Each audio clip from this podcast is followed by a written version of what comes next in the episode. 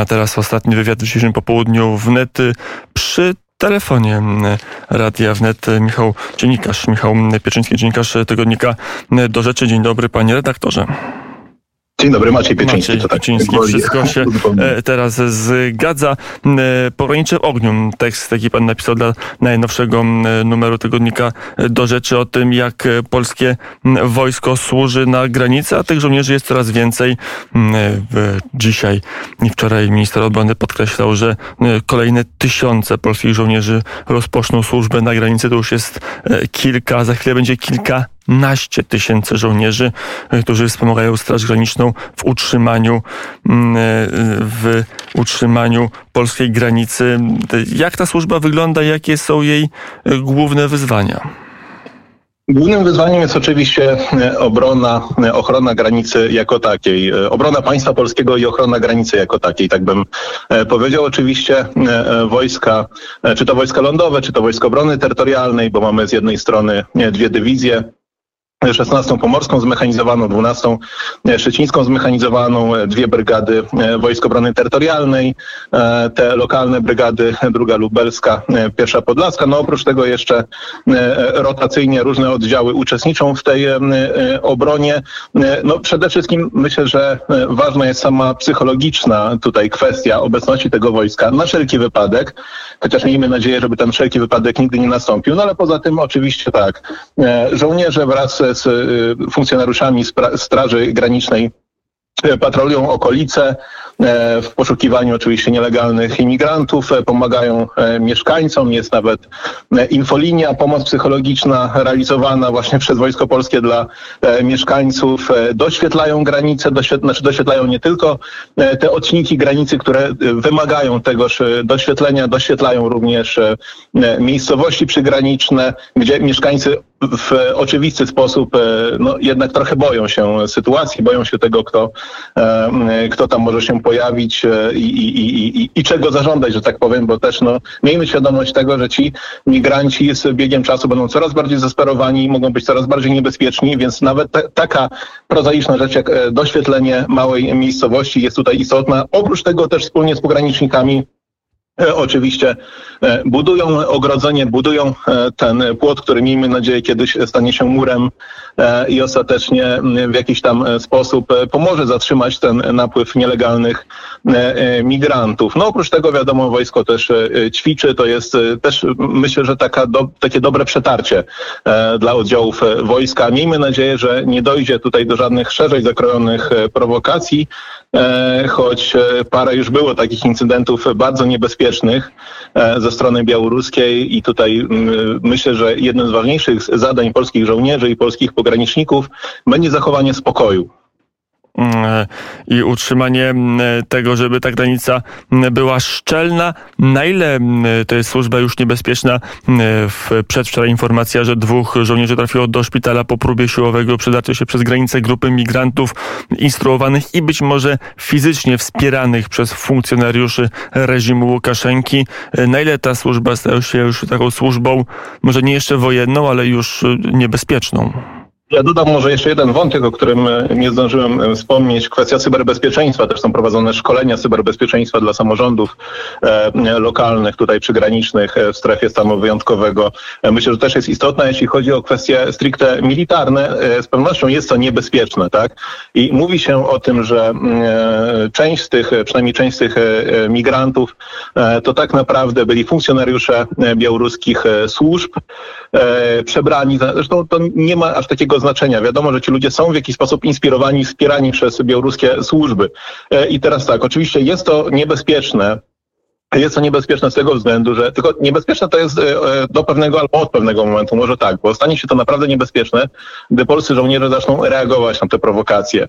Na razie sytuacja wygląda tak, że ci ludzie rzeczywiście siłowo przedzierają się przez granicę, trzeba ich zatrzymywać. Jest oczywistym, że zatrzymując tych ludzi, niezależnie od tego, przez kogo są inspirowani i niezależnie od tego, ilu spośród nich to są e, migranci inspirowani przez Łukaszenkę, ilu z nich to są agenci białoruskich służb, ilu z nich e, to są wprost funkcjonariusze białoruskich służb, no to ci ludzie na razie nie używają broni i po prostu przedzierają się przy, przy, użyciu, przy użyciu takich narzędzi, które no, nie mają szans w starciu z narzędziami używanymi przez polskich pograniczników, przez polskich żołnierzy, ale wiadomo, kiedy któremuś z polskich żołnierzy puszczą nerwy, kiedy padną jakieś strzały, to naprawdę zrobi się bardzo niebezpiecznie i wtedy Białoruś będzie miała E, będzie miała pretekst do tego, żeby po pierwsze oskarżyć Polskę e, o to, że tu Polska rzuciła pierwsza kamieniem, że Polska zaatakowała, Polska jest agresywna, a, e, a jednocześnie zareagować w jakiś niebezpieczny dla nas sposób. Już teraz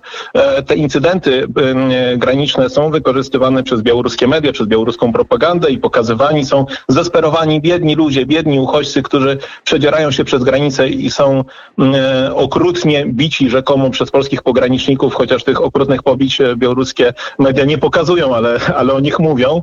Więc na razie jest to niebezpieczeństwo propagandowe. Stanie się to niebezpieczeństwo takie dużo bardziej e, bezpośrednie, e, kiedy ulegniemy prowokacji.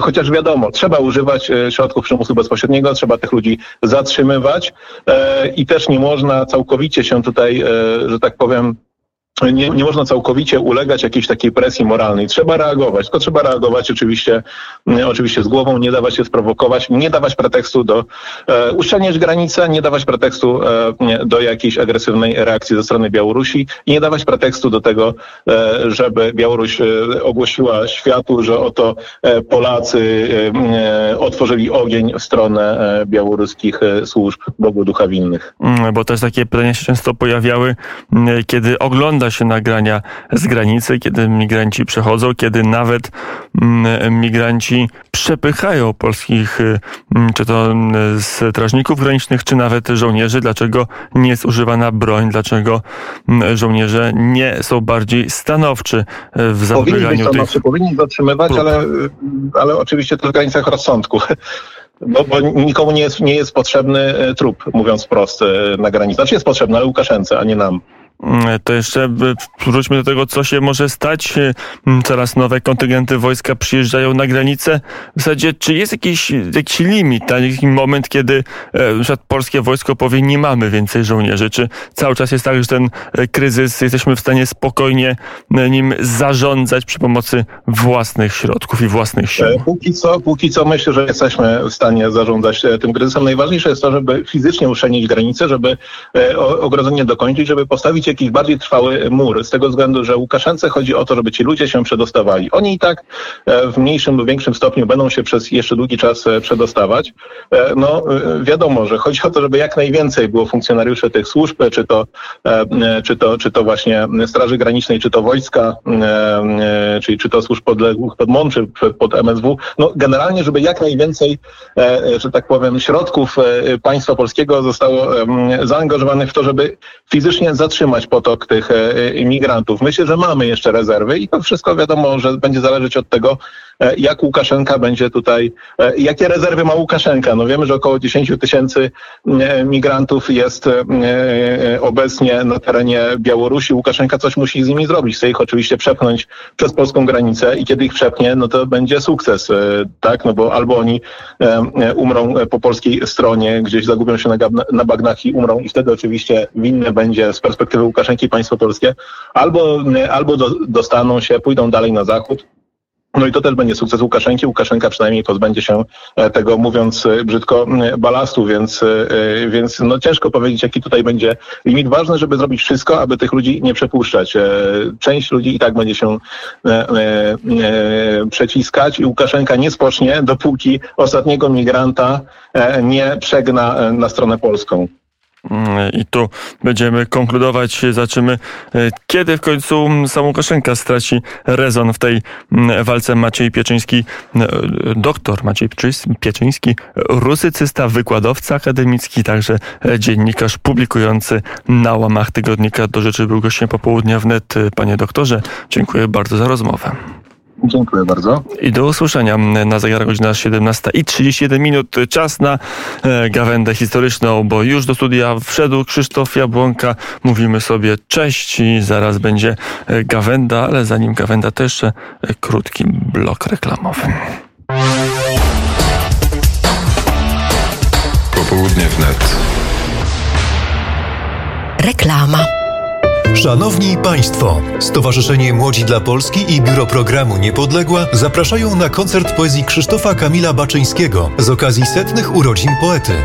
Czwartek, 28 października o godzinie 19 w Teatrze Palladium interpretację utworów jednego z najwybitniejszych przedstawicieli pokolenia Kolumbów wykonają uznani artyści i piosenkarze przy akompaniamencie orkiestry Artura Grudzińskiego. Wstęp na wydarzenie jest wolny po pobraniu darmowych wejściówek dostępnych na stronach internetowych organizatorów. Zachęcamy również do obejrzenia transmisji online koncertu. Na koncert zapraszają mecenasi, Fundacja KGHM Polska Miedź oraz sponsor Bank Gospodarstwa Krajowego. Patron medialny wydarzenia Radio Wnet. Szczegóły na www.mlodzidlapolski.pl, www.palladium.pl, www.fundacjauvorg.pl.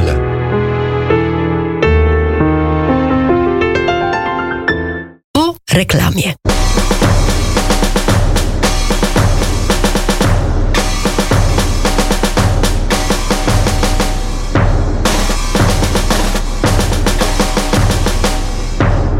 Gawęda historyczna.